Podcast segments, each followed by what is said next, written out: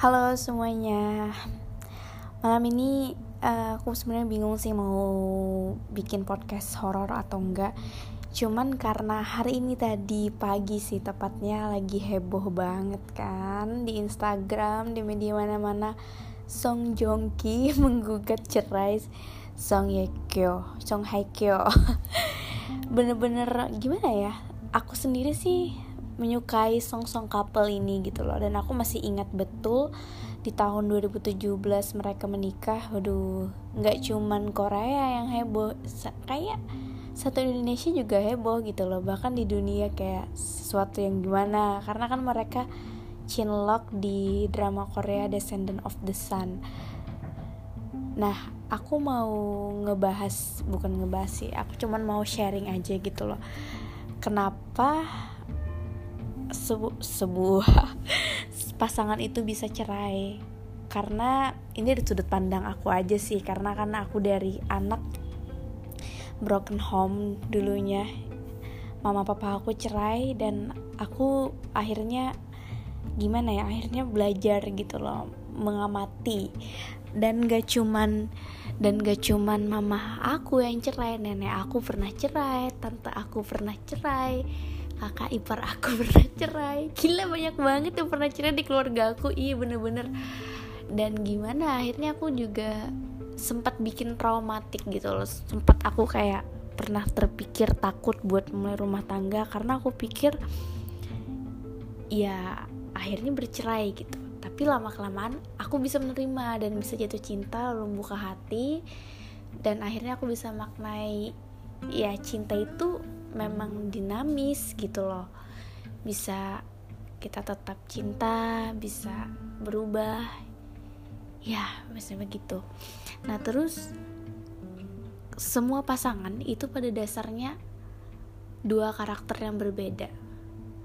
Dari personality dan personality itu dibangun dari dua budaya yang berbeda. Bukan budaya dalam artian seni-seni gitu bukan. Ini adalah lebih kepada budaya keluarga nilai keluarga.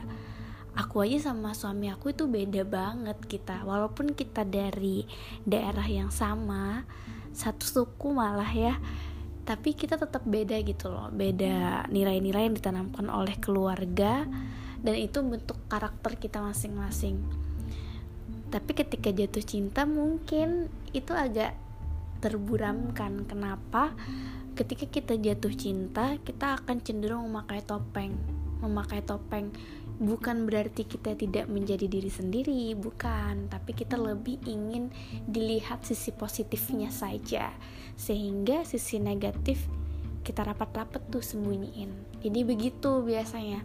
Nah ketika hubungan itu udah cukup panjang apalagi sudah suami istri ya itu kan tinggal bersama. Kata orang kalau misalnya pengen tahu karakter orang itu kayak gimana sebenarnya kita harus traveling atau tinggal bareng dia. Ini benar karena hal-hal kecil itu kelihatan gitu loh. Sesimpel kayak dia bangun tidur gimana dia di toilet gimana dia makannya kayak gimana dia kalau misalnya menghadapi rumah atau sesuatu masalah dalam rumah gimana? Nah ini yang kelihatan. Mungkin dalam prosesnya bukan mungkin ini lebih pasti sih. Dalam prosesnya sebelum menuju tinggal bersama sebagai suami istri itu ada ekspektasi. Ada ekspektasi dalam diri kita terhadap pasangan. Jadi kita nih ya misalnya sama pacar kita atau sama calon suami kita kita berekspektasi apalagi kalau lagi di mabok cinta bayangannya menikah itu senang-senang aja. Ya udah bangun bangun tidur ada yang di sebelah senyum memandangin terus dielus-elus gitu-gitu. Pelukan cuman setiap hari. Enggak gitu sebenarnya. Aduh rumah tangga itu complicated banget sih. Jadi ekspektasi ekspektasi seperti itu akhirnya mengelabui kenyataan gitu. Karena kita terlalu berekspektasi apalagi kalau ekspektasi yang terlalu tinggi dan kemudian mendapati kenyataannya tidak seperti yang diharapkan ya udah kelar. Bakal ada konflik pertengkaran kalau misalnya problem solving keduanya nggak bisa berkompromi dari komunikasi mereka ini akan berlarut-larut. Jadi banyak yang ngerasa kayak aku baru kenal dia deh. Kamu berubah kamu nggak kayak dulu lagi gitu sudah menikah. Enggak dia tetap dia. Personality atau kepribadian itu kayak dosen aku pernah bilang kepribadian itu seperti karet gelang. Jadi kalau kamu bisa tarik tarik tarik tapi kalau dilepas dia kembali ke bentuk semula. Ibaratnya tarikan itu adalah kondisi pengkondisian. Kalau dia dilepas ya udah dia balik. Jadi dia nggak berubah dia nggak berubah. Dia cuman jadi dirinya sendiri. Nah ini ini dia yang kadang menjadi konflik gitu. Dari segala hal-hal kecil bahkan aku aja sama suami kadang suka gimana ya bertengkar sih nggak cuman kita kayak tuh kan kamu lupa nutup ini dikunci dong. Oh iya ini makanya. Tuh bersihin langsung dong kayak gitu gitu kayak hal-hal kayak gitu gitu loh. Dan itu emang for real di dalam rumah tangga. Nggak ada serta merta seenak itu gitu. Apalagi nanti kalau punya anak aku kan belum merasakan ya punya anak bersama suami gitu loh tapi aku udah ngerasain gimana rasanya mengasuh anak. Karena mama aku itu adalah PNS yang juga wirausaha. Dia punya rumah makan dulu kan sama 14 tahun. Sen pagi sampai sore dia di kantor. Sore sampai maghrib dia di rumah kita komunikasi habis maghrib sampai malam dia jalan buat beli barang-barang jualan. Tiap harinya restock kayak gitu. Subuh mama ke pasar lagi terus ke kantor lagi. Dan mama aku punya anak delapan. Empat lima adekku itu di bawah aku. Empatnya satu rumah empat satu rumah itu semuanya bisa dibilang aku yang ngasuh dan ini satu keluarga sih udah tahu gitu loh aku udah biasa banget. Gimana handle bayi tempat-tempatnya aku dulu karena memang gimana ya aku kayak emang di mau nggak mau sih karena mama nggak ada akhirnya aku yang gantiin. Jadi kayak gimana rewelnya bayi gimana nggak bisa tidur malamnya ya ampun aku udah ngerasain itu dari aku usia SD sampai SMP pas aku SMA itu adekku udah mulai besar dan udah mulai enak sih gitu. Ya sampai aku kuliah aku menghadapi adik aku yang tumbuh dewasa. Dan bisa dibilang proporsi aku ketemu adik aku itu lebih besar dibanding sama aku karena aku di saat aku SMP sama aku jadi single parent. Artinya beliau akhirnya menjadi ibu dan juga ayah di keluarga. Ya bisa dibilang walaupun aku secara realnya bukan seorang ibu tapi peran sosial yang aku mainkan saat itu tidak hanya sebagai seorang anak tapi juga seorang ibu gitu loh buat adik-adik aku. Ya beginilah. Mungkin banyak orang yang nggak tahu tapi kalau teman-teman dekat aku keluarga pasti udah tahu banget lah gimana gitu loh. Ya itu salah satunya bikin aku sempet kayak aduh aku kayak gimana ya menikah pengen sih cuman kayak pengen enaknya aja karena aku udah tahu nikah tuh nggak bakal enak 100% pasti banyak susahnya juga gitu loh. Banyak rintangan juga aku tahu banget nih gitu. Bahkan aku kayak apalagi ya alasan cerai orang tua aku tuh nggak cuman karakter tapi juga masalah orang ketiga dulu. Hal-hal yang kayak gitu bikin romantik. Nah ini baru perbedaan karakter aja udah bikin bikin terancam gitu loh hubungan apalagi orang ketiga. Nah ini beda lagi nih. Maksudnya ya itu kadang kita berpikir bahwa pernikahan itu adalah akhir cerita gitu. Kayak dongeng kan kalau princess sama prince-nya getting married and it's happy ending gitu. Enggak sebenarnya in real life no. Itu hanya permulaan bener-bener permulaan. Dan kadang kita sama rumah tangga pasti kan menyimpan ya apa yang jadi privacy kita. Kita udah bisa menyimpan privacy dan apa yang bisa di share ke publik nah kasusnya Song Joong Ki dan Song Hye Kyo aku sebenarnya nggak me, nggak menganalisa kasus mereka ya. Aku nggak tahu gitu loh alasan mereka menikah. Tapi mereka ini adalah public figure. Sebenarnya kita nggak tahu sebahagia apa mereka di rumah tangga mereka selama dua tahun terakhir. Nyampe dua tahun gak ya? Kayaknya nggak nyampe deh dua tahun. Nah terus kenapa sampai bercerai? Bercerai itu semacam pilihan terakhir sih sebenarnya.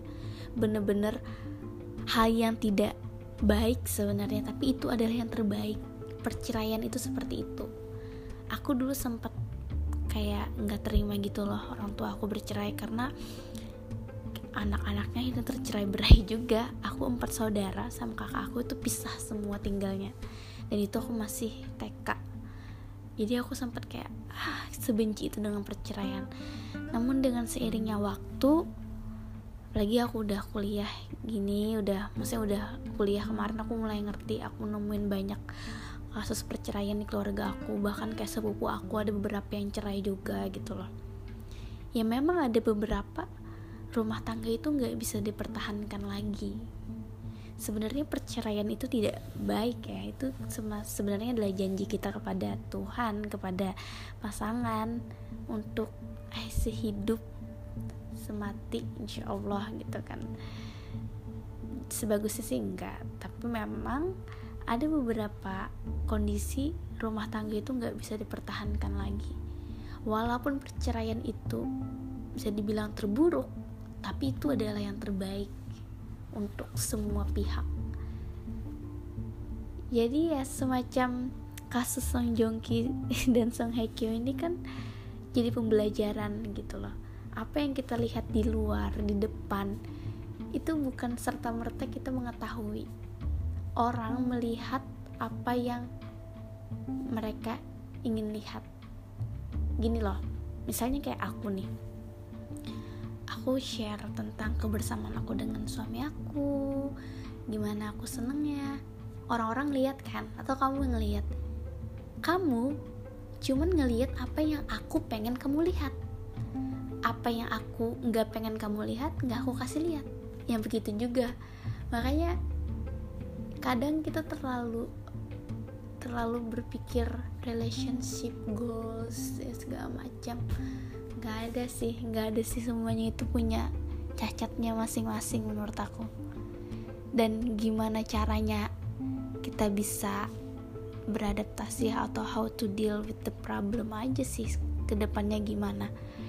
Jadi yang masih berpikir pernikahan itu ending happy ending dan akan membahagiakan dan ekspektasi tinggi. Ya kalian belum tahu pernikahan itu adalah usaha teamwork sama-sama. Terus gimana caranya menyatukan dua kepribadian dari latar belakang nilai-nilai budaya yang berbeda menjadi satu. Nggak bisa sama gak tapi gimana komprominya? Jadi kalau misalnya ada masalah nih ya kayak aku sama suami aku aku berpikir A suami aku mikirnya B. Terus aku kekeh pengen A suami aku B. Kita nggak bisa aku nggak bisa kak jadi B gitu. Terus suami aku aku nggak bisa juga jadi A. Ya udah kita ambil tengah. Kita cari A B. Atau masing-masing gitu. Jadi biasanya tuh kita kayak gitu gitu loh. Atau kalau udah buntu banget nih ya gimana nih caranya problem solvingnya? Udah kita list aja deh. Masing-masing punya kelebihan dan kekurangan dari pendapatnya pendapat aku lebihnya ini pendapat aku kurangnya ini. Begitu juga punya dia. Akhirnya pendapat siapa yang paling banyak? Positifnya dan minim minim ya minim kelemahannya atau minim risikonya kita bersepakat untuk mengambil pendapat itu. Nah itu salah satu cara berkompromi gitu loh. Kalian ngerti kan maksudnya sampai sini? Ya pokoknya gitu gitu loh. Maksudnya rumah tangga itu PR banget sih. Aku aja masih belajar banget menahan ego menahan emosi segala macam. Nah terus buat yang masih merasa ah terus buat apa dong menikah? Buat apa dong kalau gitu-gitu? No. Ya semua setiap cerita itu selalu ada bahagia dan susahnya. Bahagia kepedihan kesusahan kesengsaraan. Itu semua emosi dari satu energi yang sama dan mereka berdampingan gitu loh. Jadi menikah itu gak serta mimpi buruk juga ternyata. Maksudnya aku sempat mikir trauma kan. Jangan kan buat menikah dulu waktu kayak aku pacaran itu pas 3 SMA loh baru bisa pacaran. Kayak bener-bener meyakinkan dan aku sampai sama suami aku aja juga masih jadi orang yang sulit buat jatuh cinta. Maksudnya kalau suka sama orang yang suka atau baper temen kayak banyak aja pertimbangan aku kayak tipikal kayak gitu gitu loh. Makanya aku nggak bisa ganti-ganti hati secepat kutu loncat gitu nggak bisa aku. Karena memang lingkungan aku cukup keras ngasih lihat cinta itu kayak gimana. Tapi juga ngasih cinta itu ngasih kesempatan kita untuk belajar jadi lebih baik menurut aku itu sih yang aku dapetin karena tanpa cinta aku nggak tahu ya gimana caranya mengasihi, menyayangi, memberikan perhatian, belajar untuk menahan emosi, belajar untuk beradaptasi, belajar untuk berkompromi, berkomunikasi dengan baik. Dengan pasangan itu lebih belajarnya itu lebih dengan cara yang menyenangkan gitu loh. Kalau menurut aku, kalau sih kita belajar itu bisa dengan saudara, teman-teman. Tapi kalau dengan pasangan itu dengan cara yang lebih menyenangkan dan intim. dan itu bisa didapatkan kalau kita menikah. Dan dari sekian banyaknya kasus kasus yang negatif tentang pernikahan, tentang hubungan, masih ada sekian persen kemungkinan untuk menjadi keluarga yang bahagia, keluarga yang baik-baik saja gitu loh.